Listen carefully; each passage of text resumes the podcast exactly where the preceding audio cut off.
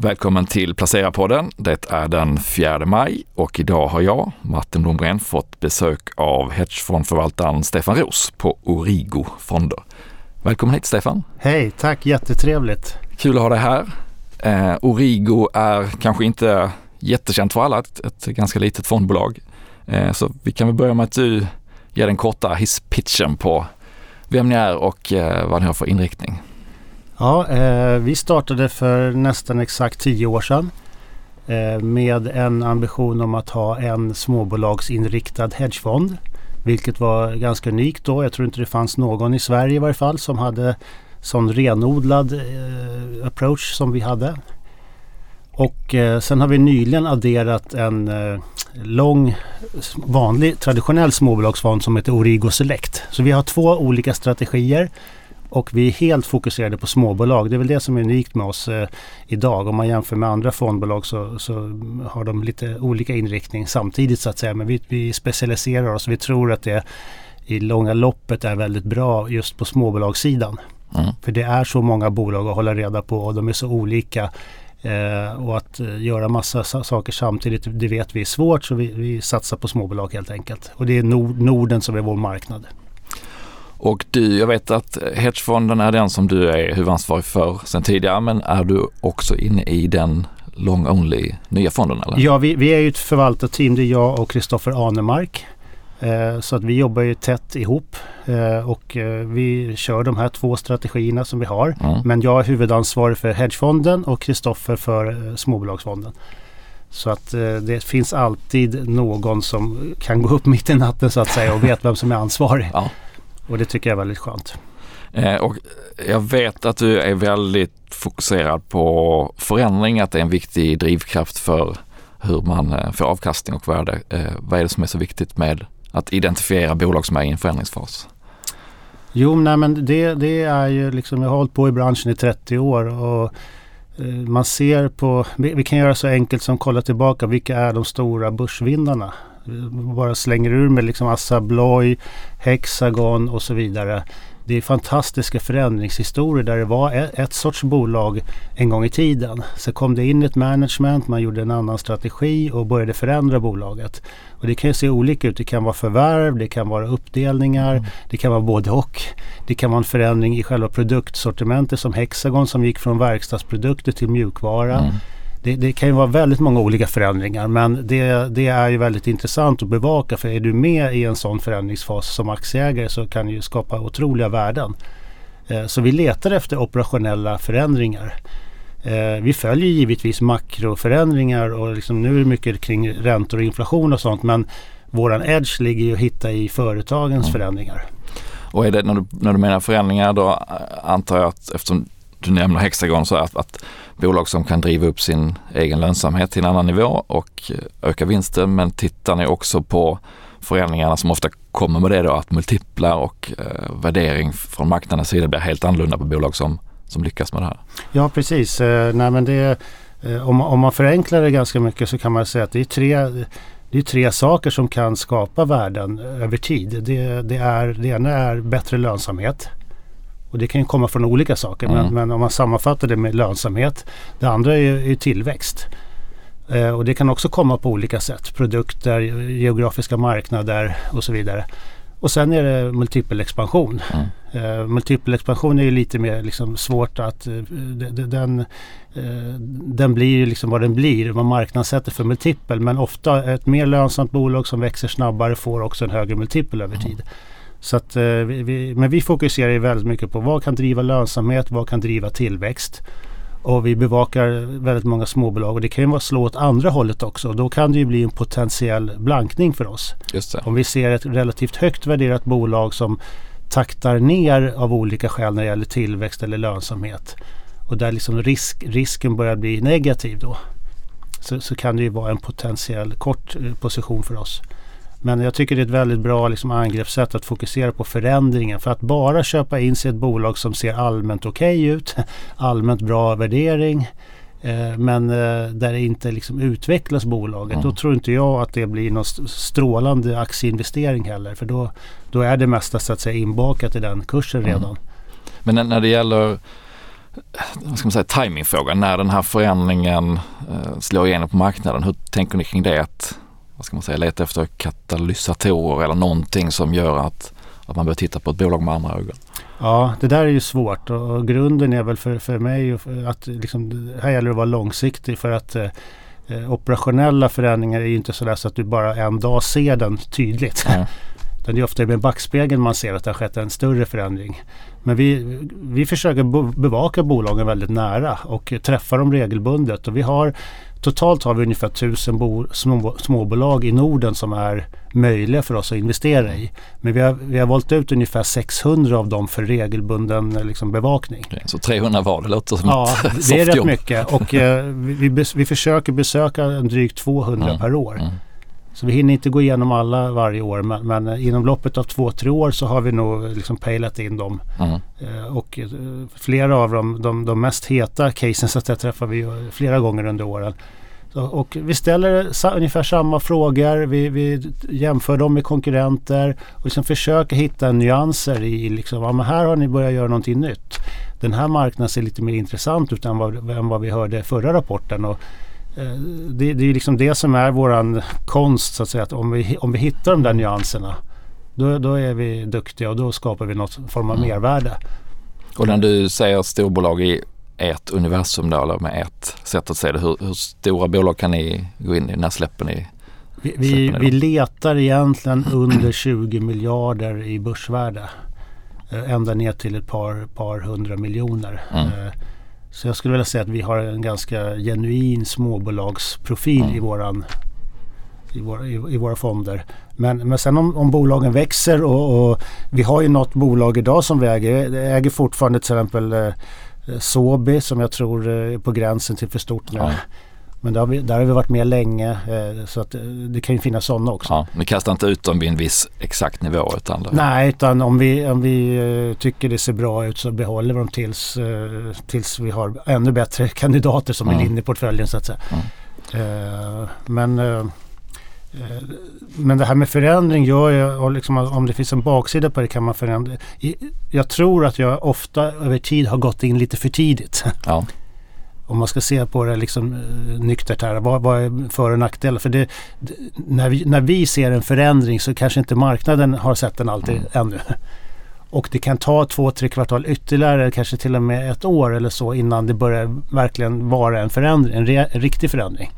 Men fördelen måste vara att då kommer ni kanske in på ett pris som i slutändan visar sig vara riktigt bra. Precis och så har det blivit i väldigt många av våra investeringar. Vi har kört Origo i tio år nu och eh, vi har en hel rad exempel på det, kan, det är allt från det är Recifarm och det är en, ja, väldigt många bolag där som, som det tog liksom ett år innan det började synas någonting. Men till slut så blev det väldigt, väldigt bra. Gott. Vi är i, ska man säga, andra halvlek på rapportperioden får man väl eh, uttrycka som väldigt många storbolag har kommit. Hur, hur, vad är din generella bild av rapporterna så här långt? Eh, nej men de är, de, är, de är bättre än vad vi har trott. Mm. Eh, och eh, det, är inte ba, det är inte bara att liksom resultaten kommer in ganska bra. Orderingången i många fall har ju varit klart bättre. Eh, och det, det om man tittar indexmässigt så är det ju de tunga branscherna som har levererat bäst. Bankerna har överlag varit jättestarka resultat, verkstadssektorn likadant. Så att eh, det driver ju upp eh, börsindex ganska mycket. Mm.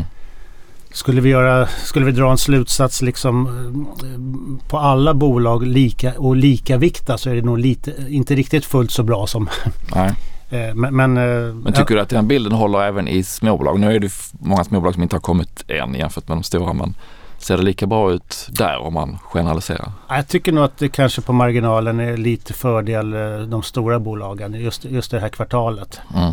Eh, men, men du har ganska brutala värderingsskillnader nu. Många småbolag började ju gå ner tidigt här i orosperioden.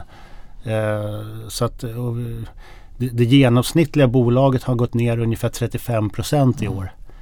Eh, börsindex är väl, jag beror på vilken vi kollar på, men säger att det är ner 15 procent.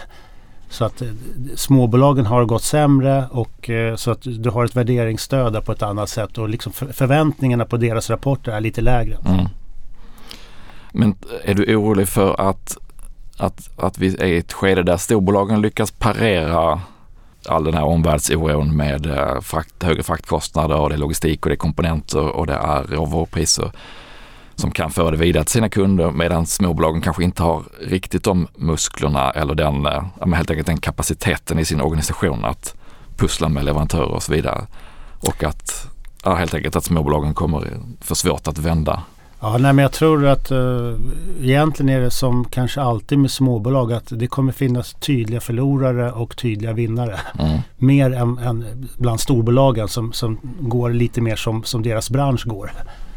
Uh, och det, det, det är nu så att säga vinnarna och förlorarna skiljs åt lite grann. Mm tidigare år så har alla småbolag kanske dragits med uppåt men eh, vi, vi, fokuserar jättemycket på pricing power och marknadsposition. För det, liksom, det, är nu, det är nu det verkligen gäller. Kan, kan du skeppa vidare de kostnadsökningar du får?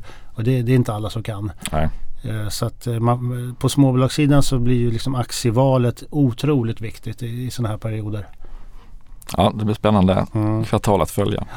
Eh, du, när vi träffades i höstas och jag gjorde en intervju med dig, då, då var du väldigt mycket inne på att det var ett skifte i uh, inflationen och att återkomsten för inflationen skulle sätta press på värderingarna i tillväxtbolag.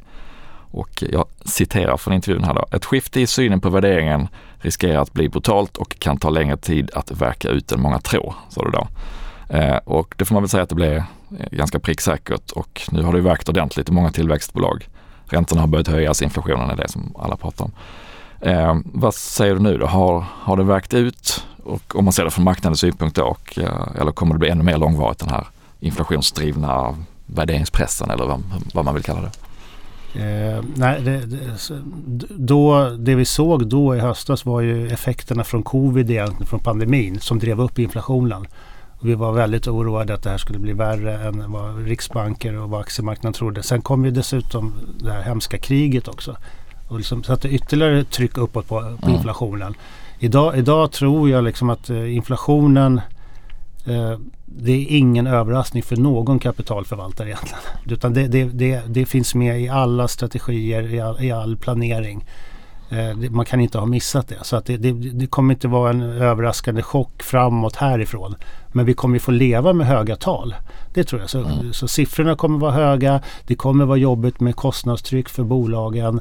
Men jag tror inte vi, vi kommer se tydliga börsfall på grund av liksom höga inflationssiffror längre. För det, det, är, det ligger i kurserna idag ja. skulle jag bedöma. Kan det vara så att det till och med ligger för mycket i kurserna? Att det kan bli en positiv kraft framöver när inflationssiffrorna börjar fejda neråt lite igen? Ja, jag, jag är inne på det att eh, kanske inte liksom imorgon för vi, vi är fortfarande mitt uppe i det. Mm. Men om du tittar tre till sex månader framåt, vilket man måste göra, då, då kommer vi absolut kunna få in lite mera eh, så att säga, hyfsade siffror. Är fortfarande höga inflationstal men lägre än vad vi såg här nu i mars-april. Eh, så, så, och då, då kan vi ha ett helt annat sentiment på börsen. Eh, jag tror att vi går, vi, vi, har ju varit inne, eller vi är inne i den sämsta av världar just nu. Där mm. vi har, där vi har en, en osäker konjunktur framför oss. Men vi har fortfarande stigande inflation. Det, det, är de två sämsta på en gång. Men om vi tittar liksom tre till sex månader framåt så bör vi liksom ha... Eh, vi, vi, har fortfarande en osäker konjunktur men vi har i alla fall en, toppat ur på inflationen. Eh, troligtvis riksbanker som är lite mer ödmjuka. Mm. Nu, nu, måste man höja, man måste bekämpa inflationen till varje pris.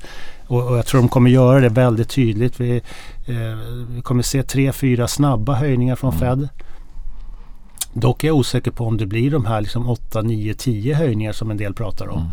Det, det, det, kan mycket väl bli så efter tre, fyra höjningar att Fed överraskar marknaden med att säga nu, nu väntar vi lite och ser hur det här mottas. Och...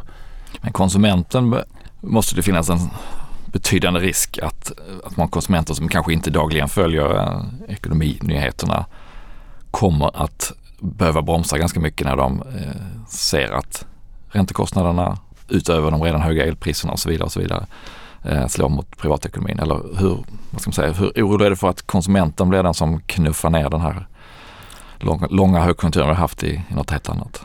Jo men det, det, det, det måste man säga, det är ett stort hot, mm. absolut. Eh, de, de här elpriserna och eh, om vi dessutom får se lite fallande huspriser framåt. Liksom kombinationen brukar, brukar märkas på konsumtionen så att eh, konsumentaktier generellt är inget som vi springer efter idag. Det är ja. det inte. Och det kan nog bli värre innan det blir bättre.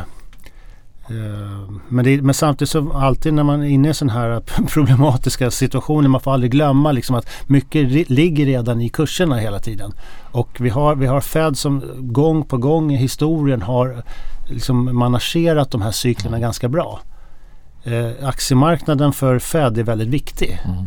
Och det, det, har man sett gång på gång. och Eh, blir det liksom en fortsatt nedgång, börjar det komma dålig konsumentdata, då, då, då tror jag vi kan komma in i ett annat räntescenario. Så då kan, då kan hösten se ganska annorlunda ut än vad vi, vad vi ser nu. Mm. Ja, Fed har ju möte i kväll så att vi får se för hur landet ligger imorgon. När, mm. när, lyssnar man på den här podden efter det så kanske det är ett ett annat läge. Ja. Men eh, Stefan, om vi ska prata lite bolag då. När vi träffades då i höstas så sa du också att det var, ni tyckte att det var rätt tid att positionera sig mot mindre värdebolag som handlades till rabatt och som hade en ganska hög andel försäljning mot andra företag. Vilket då skulle innebära att man kan föra kostnadsökningar vidare lite lättare. Och du, du lyfter fram eh, tre bolag, Spar Nord Bank i Danmark och bröderna A.O. Johansen och även norska Grieg Seafood, lax, laxbolaget. Och de har gått bra alla tre, speciellt Grieg väl. Hur ser det ut idag? Ligger ni kvar i de här tre godbitarna? Ja, vi ligger kvar. De, de är, all, alla är toppbolag i Origo Quest-fonden. Uh, Grieg har ju varit en fantastisk resa. Den är, aktien är upp 50% på ett halvår. Uh, samtidigt som småbolagsindex har väl gått ner med vad är det, 15 mm. ungefär. Är det, är det priset på lax som driver upp Priset på lax går upp och, eh, men, men just Grieg är i en ovanligt bra situation jämfört med sina laxbröder eller konkurrenter. Eh, många av de andra har sålt av sin laxproduktion eh, på vanligt maner så att säga på terminsmarknaden. Så de har inte fått några så stora prisökningar. Men Grieg ligger ofta på, på spotmarknaden så ja. de har liksom kunnat tjäna på prisuppgången.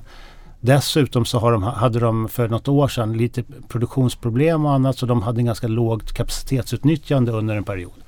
Så nu när, när, när efterfrågan kom tillbaka efter pandemin hotell och restaurangsegmentet öppnade upp och började beställa mycket. Då är det, då är det Grieg som har kunnat öka försäljningen, volymerna kraftigt. Mm. Så det är både volym och pris. Eh, och sen de, ligger de långt framme med, inom hållbarhet också. De har för att ta det väldigt kort, de planterar ut större yngel i havet än tidigare och det har gjort att de har fått ner eh, sjukdomstalen på laxen. Kunnat liksom helt enkelt ha bättre kvalitet på sin som fiskodling. Eh, så de har gynnats av många saker. Eh, och sen var den väldigt, väldigt billig aktien och den är det fortfarande och det är det skälet att vi ligger kvar. Det, det handlas fortfarande på kanske P 10. E mm. Det har ju varit ganska brutala vinstprognoshöjningar under den här tiden. Eh, och Sparnord, banksektorn är ju superintressant för det är en av få sektorer som faktiskt tjänar på att korträntan eh, kommer stiga här ja, nu. Ja. Så vi, vi, det ser vi generellt, liksom bra bankrapporter, eh, stigande marginaler. Sparnord är välskött, eh, billig bank, eh, bra utdelning. Des, nu, nu är de sen ett tag tillbaka in i en process där de tror, vi tror att de räknar ganska noggrant på Handelsbankens danska verksamhet. Så de har en tillväxtagenda som ser väldigt spännande ut. Eh, och den tredje här var ju gross, den danska grossisten då, A.O. Johansen.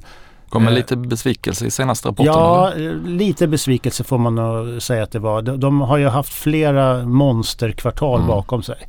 De har vuxit med 20% per kvartal och eh, pl plötsligt så var det låga ensiffriga tal.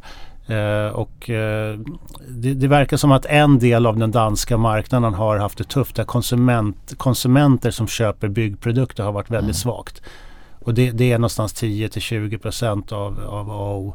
Den stora är det en postpandemieffekt eller vad tror du? Ja, eh, det, det, som, en sak som man hör är att det är väldigt svårt att få tag på installatörer och hantverkare. Ja. Och det har varit väldigt stora sjuktal i Danmark. Så må många har liksom skjutit fram sina eh, renoveringar och annat som man håller på med. Sen var det också väldigt starkt, det är en liten konstig förklaring, men det var otroligt starka jämförelsekvartal. Mm, mm. Eh, så att vi, de behåller sin guidance för, för det här året, för 2022, vilket är ganska offensivt. Eh, de har gjort några förvärv som kommer in i siffrorna också nu. Så att de, vår, vår syn är att de kommer växa jättebra 2022 men att just den här Q1 den var, eh, den var klen. Ja. Eh, så att det, det här är fortfarande tre liksom lågt värderade bolag som vi ligger kvar med. Men i eh, Grieg, lax, laxodlaren där, det låter lite som att det kanske borde vara läge att ta hem vinsten där eller om de ett P-tal på 10 kan ju snabbt bli något helt annat om man är ett bolag som säljer på spotmarknaden och priserna inte är uthålliga. Eller hur, ser du på risken för att ja, det är nej, en slags men, topp här? eh, Man kan väl säga generellt laxaktier är ganska volatila eh, historiskt. Nu har de blivit mindre volatila tycker jag än vad de var för fem år sedan. Men, men det är en volatil sektor. Det, det är också Norge. Allting i Norge har lite högre volatilitet. Eh, så att eh, det, det är aldrig fel att vara lite så att säga tradingorienterad i de här laxaktierna. Eh, men, men det, det, finns liksom ett långsiktigt bra case i laxsektorn och i Grieg och det, det strukturellt äter världen mer och mer lax. Vi i Europa är vana att äta lax och kanske inte tänker på det men i USA har man knappt ätit lax historiskt. De har upptäckt lax de sista åren. Så det är en otroligt, alltså starkast i hela världen går i USA nu. Mm. För de, det är mer och mer sushi där, det är mer och mer sallader där det ingår lax och det är liksom förpackad lax. Eh, sen har även Kina har börjat äta mer och mer lax. Eh, just, nu, just nu kan jag tänka mig att exporten till Ryssland och Ukraina eh, är väldigt liten. Mm. Så där tappar, där tappar man eh, försäljning såklart. Men, men det, är, det är ett par procent av världsmarknaden. Övriga marknader växer laxen på. Och jordens befolkning växer, vi blir rikare. Alltså, hela, hela den demografiska bilden talar för mer lax. Mm. Okej, okay. lång, lång lax fortsatt låter det som. Lång lax, precis. eh, kort Kahoot och Pexip var eh, ni i höstas. Och det är ju då två vad ska man säga, högvärderade teknikbolag eh, nischade. Hur ser det ut där? Har ni stängt de positionerna? Ja, eh, relativt nyligen har vi stängt båda två och vi har ju haft dem korta eh, flera gånger kan man säga till och från. Eh, men det har, blivit, det har blivit två väldigt liksom, framgångsrika blankningar för oss. Det, det, man kan väl säga det för höga förväntningar på två norska bolag som kommer in på börsen. Och då, då, det, det gäller ju så många bolag, mm. inom, eller IPO-bolag. Man kommer in med felaktig förväntansbild att man ska på kort tid erövra världen. Eh, hela, jag tycker hela aktiemarknaden och analyskåren och ankarinvesterare och all, alla som är liksom med på tåget här glömmer bort lite konkurrensbilden och mm. eh, vad, vad är liksom en långsiktigt rimlig värdering. Eh, nu, nu håller det här på att nyktra till. Det är en, bubbla som verkligen har spruckit i liksom IPO-bubblan. Mm. Eh, vi har ingenting emot Kahoot eller, eller Pexip men vi ser att det är rel relativt små bolag. Eh, eh, Kahoot har ju stora lönsamhetsproblem haft hela tiden. Pexip har konkurrens, väldigt hårda, tuffa konkurrenter. Nu har ju, nu det som gjorde att, som triggade att vi stängde positionen var att nu har ju Pexips ledning eh, liksom sagt i princip att vi ser över hela strategin med bolaget. Vi kan inte bara expandera eller prata om expansion, vi måste få med oss lönsamheten. Mm. Så man tar ett steg tillbaka och kanske inte anställer lika mycket säljare. Och, så att det, det, det är lite tillnyktring i de här bolagen, många, mm. framförallt norska techbolag. Ja det var en väldigt, vad ska man säga, förlåtande miljö för den typen av bolag under 2020 och 2021 när det kom väldigt många nya bolag, vilket det verkligen inte nu längre då. Nej, nu har det ju slagit om. Eh, då kan man fråga, är det dags att börja köpa dem igen mm. och plocka upp dem? Men jag tror att det, det, det, det, ser inte så attraktivt ut. Man måste titta på liksom konkurrenskraften i varje bolag. Några av dem är ju väldigt konkurrenskraftiga. Alltså, om vi pratar om alla som IPO-ades, alla som kom till börsen. Mm. Några är riktigt konkurrenskraftiga men, men många är rätt små spelare som inte liksom, eh, de hade lätt för att få in pengar och de hade en bra story. Men, mm. Så att eh, generellt så tycker jag fortfarande att man ska hålla sig undan från de här. Ska jag tolka det som att ni har lagt en bombmatta av blankningar på IPO-bolagen eller? Ja, vi har, vi har, det kan man kanske säga. Vi har, vi har ungefär 50 blankade positioner och, och, jag har faktiskt inte räknat ut hur många av dem som är IPO eller nya bolag men, men eh, flera av dem. Och eh, ett annat exempel är de här serieförvärvarna som det har pratats mycket om.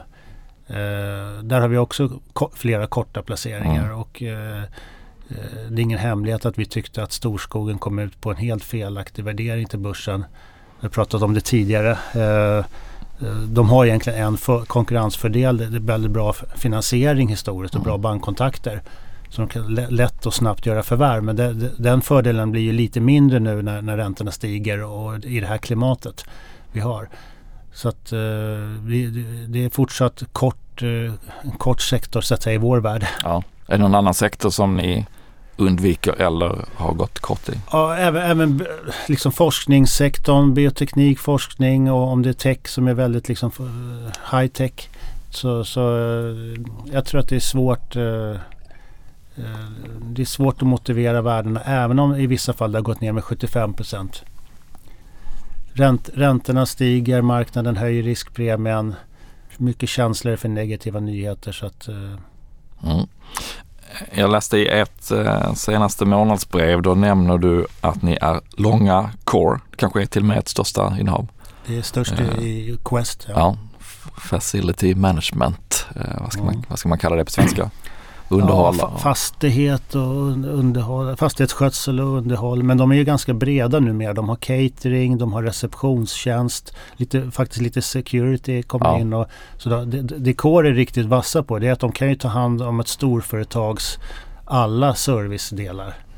Eh, så att det, då, det, blir en integrerad lösning. Mm. Men det jag vill komma till är att samtidigt så skriver ni att ni är korta då, danska ISS som är en eh, ganska rak konkurrent fast väl väldigt mycket större även om de eh, har dragit sig tillbaka från en del marknader. Är det, är det här, eh, du får gärna berätta varför ni är korta ICS men också är det här ett typiskt sätt ni jobbar på med att, att köpa en och blanka en annan i samma sektor? Ja, eh, börjar där. Så, eh, precis, vi är ju en lång kortfond. Vi, vi vill egentligen att, fond, att vår analys ska få maximalt betalt hela tiden. Vi vill inte betta för mycket på vad börsen är på väg, åt vilket håll eller vad makro är på väg. Eller, utan vår företagsanalys ska få betalt.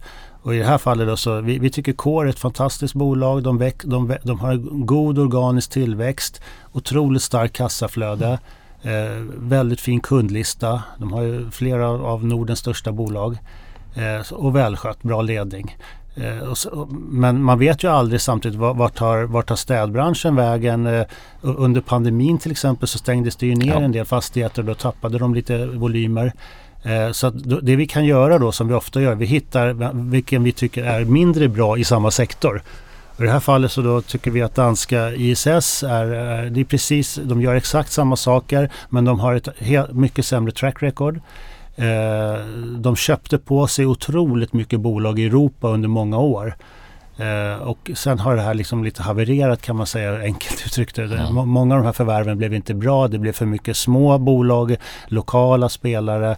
Eh, man har konstant haft sämre marginaler än Core.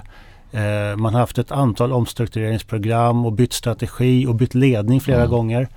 Eh, så att på nästan varje nyckeltal så är man lite sämre än core. Och då, I vårt fall blir det då att vi tar en kort position. Så har vi liksom hedgat bort lite risken för den här branschen men vi har liksom en, en spread där. Så att det är så vi jobbar ganska ofta. Och, vi får helt enkelt en, en, en låg riskfond fast, och, och, om vår företagsanalys blir rätt så skapar vi avkastning den vägen. Mm. Och får ni fel så kan det gå fel i två ben istället för rätt. Ja, det är väl precis, ja, precis. För vi har ju, fonden har ju då en, expo, en total exponering som är över 100 procent. Mm. Eh, just nu 140 procent. Eh, så att vi har ju en viss hävstång då eftersom vi har, vi har två positioner mm. i samma affärsidé så att säga. Spännande. Ytterligare ett bolag som ni nämner i månadsbrevet som jag lade märke till är Nent, då, som är väl under namnbytet till Viaplay, som väl är det namnet man känner som konsument. Då. Eh, vad är det ni är oroliga för där? Är det ett Netflix-scenario, tappade abonnenter, värdering som packar ihop? Eller? Ja, eh, eh för, först och främst så har vi haft lite svårt för, för värderingen under, under lång tid. Vi, vi, vi, vi tycker inte det så att vi hittar andra eh, närliggande sektorer som är, som är billigare. Eh, sen är det deras expansionsplaner som oroar oss. De, de vill ju in i flera länder och bland annat USA mm. som ju är ett getingbo redan. Mm. Eh, så att, eh, och sen såg vi då nyligen hur, vad, vad, Netflix kommunicerade. Det stärkte ju snarare den här kortpositionen vi har. Eh, jag, jag, jag tycker jag, Viaplay gör det ju väldigt bra i Norden måste man säga. Mm. De har varit duktiga på att nischa in sig på olika delar. Golfen till exempel, fått en otroligt stark marknadsposition där. Och vad jag förstår av ledningen så är det just det här liksom hitta nischer i streamingmarknaden som är deras strategi. Men jag, jag, skulle själv uppskatta om de också hittade marknader som är inte så utvecklade som, som de nu är på väg in i. Mm. Men de har ju samtidigt ett, kan jag tycka, helt annorlunda angreppssätt än Netflix i alla fall eftersom man har de här starka sporträttigheterna där kunderna är mycket, mycket mer lojala och betalningsvilliga. Så att vågar man titta några år fram så, så är de kanske inte fullt så dyra som det ser ut om man, om man tittar på i år. Men du ser för stora risker med den eh, ja, nej, men Frågan är också vad, vad de här rättigheterna, var är de på väg någonstans? Eh, som jag har förstått så blir det bara dyrare och dyrare.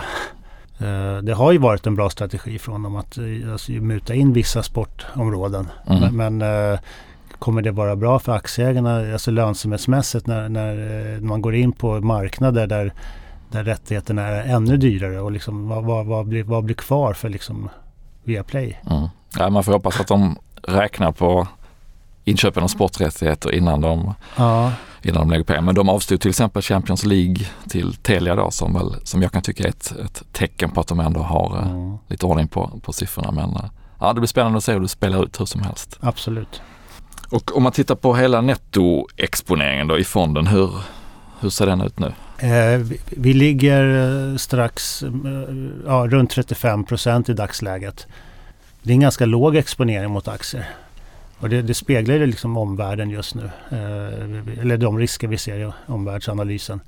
Eh, historiskt har fonden haft eh, mellan 45 och 50 procents nettoexponering.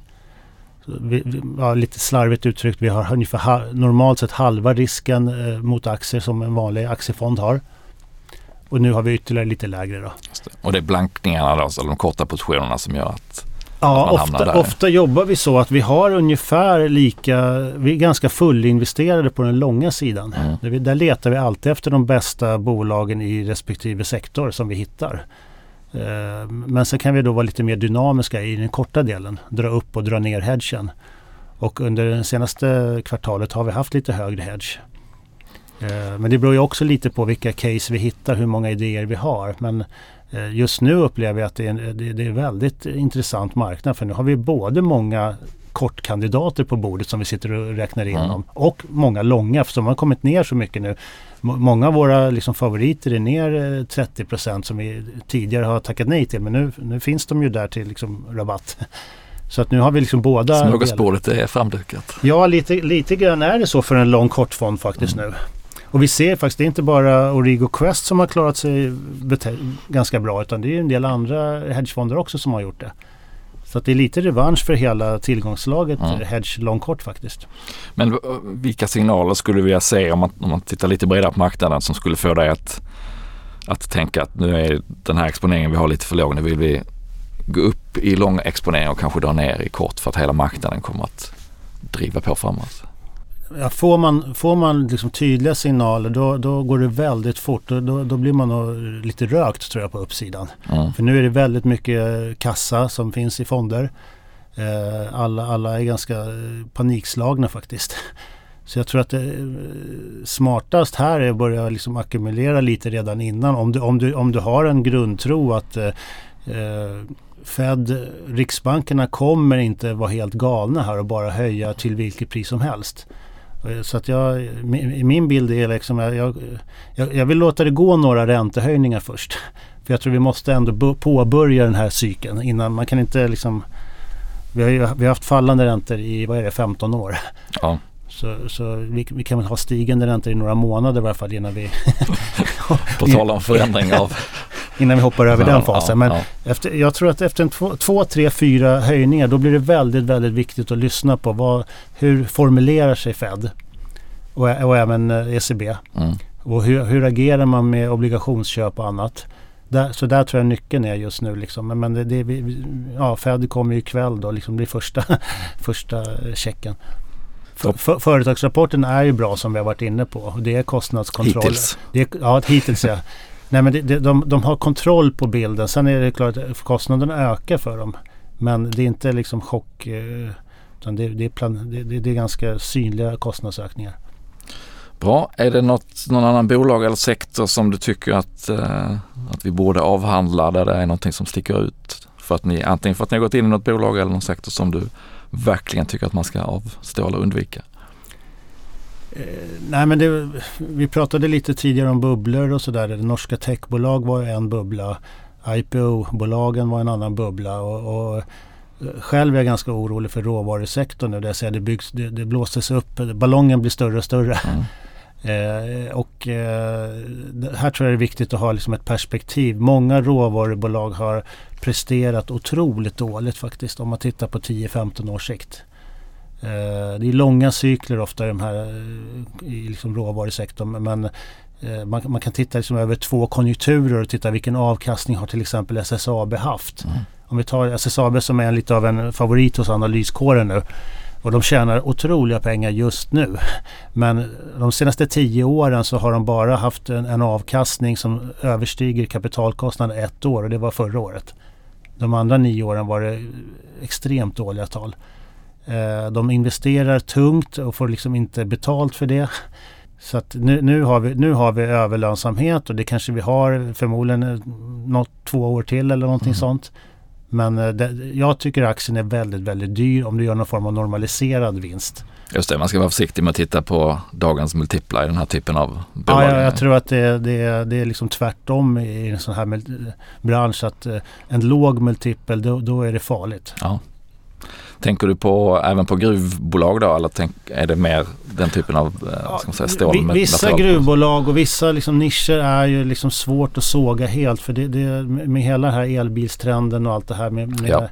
eh, jag tror ju inte liksom elektrifiering är en kort fluga utan det är en långsiktig omställning.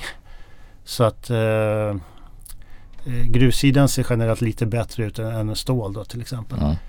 Eh, men vi, vi har ju sett råvaror, alla råvaror har ju gått rakt upp i taket. Så att det, det, där, no, några förtjänar en viss uppgång men det är liksom, jag tror det är en overshooting generellt. Och, och, det är inte så konstigt. Först pandemin och sen Ukraina-kriget. Så det är två megahändelser som har skapat det här. Mm.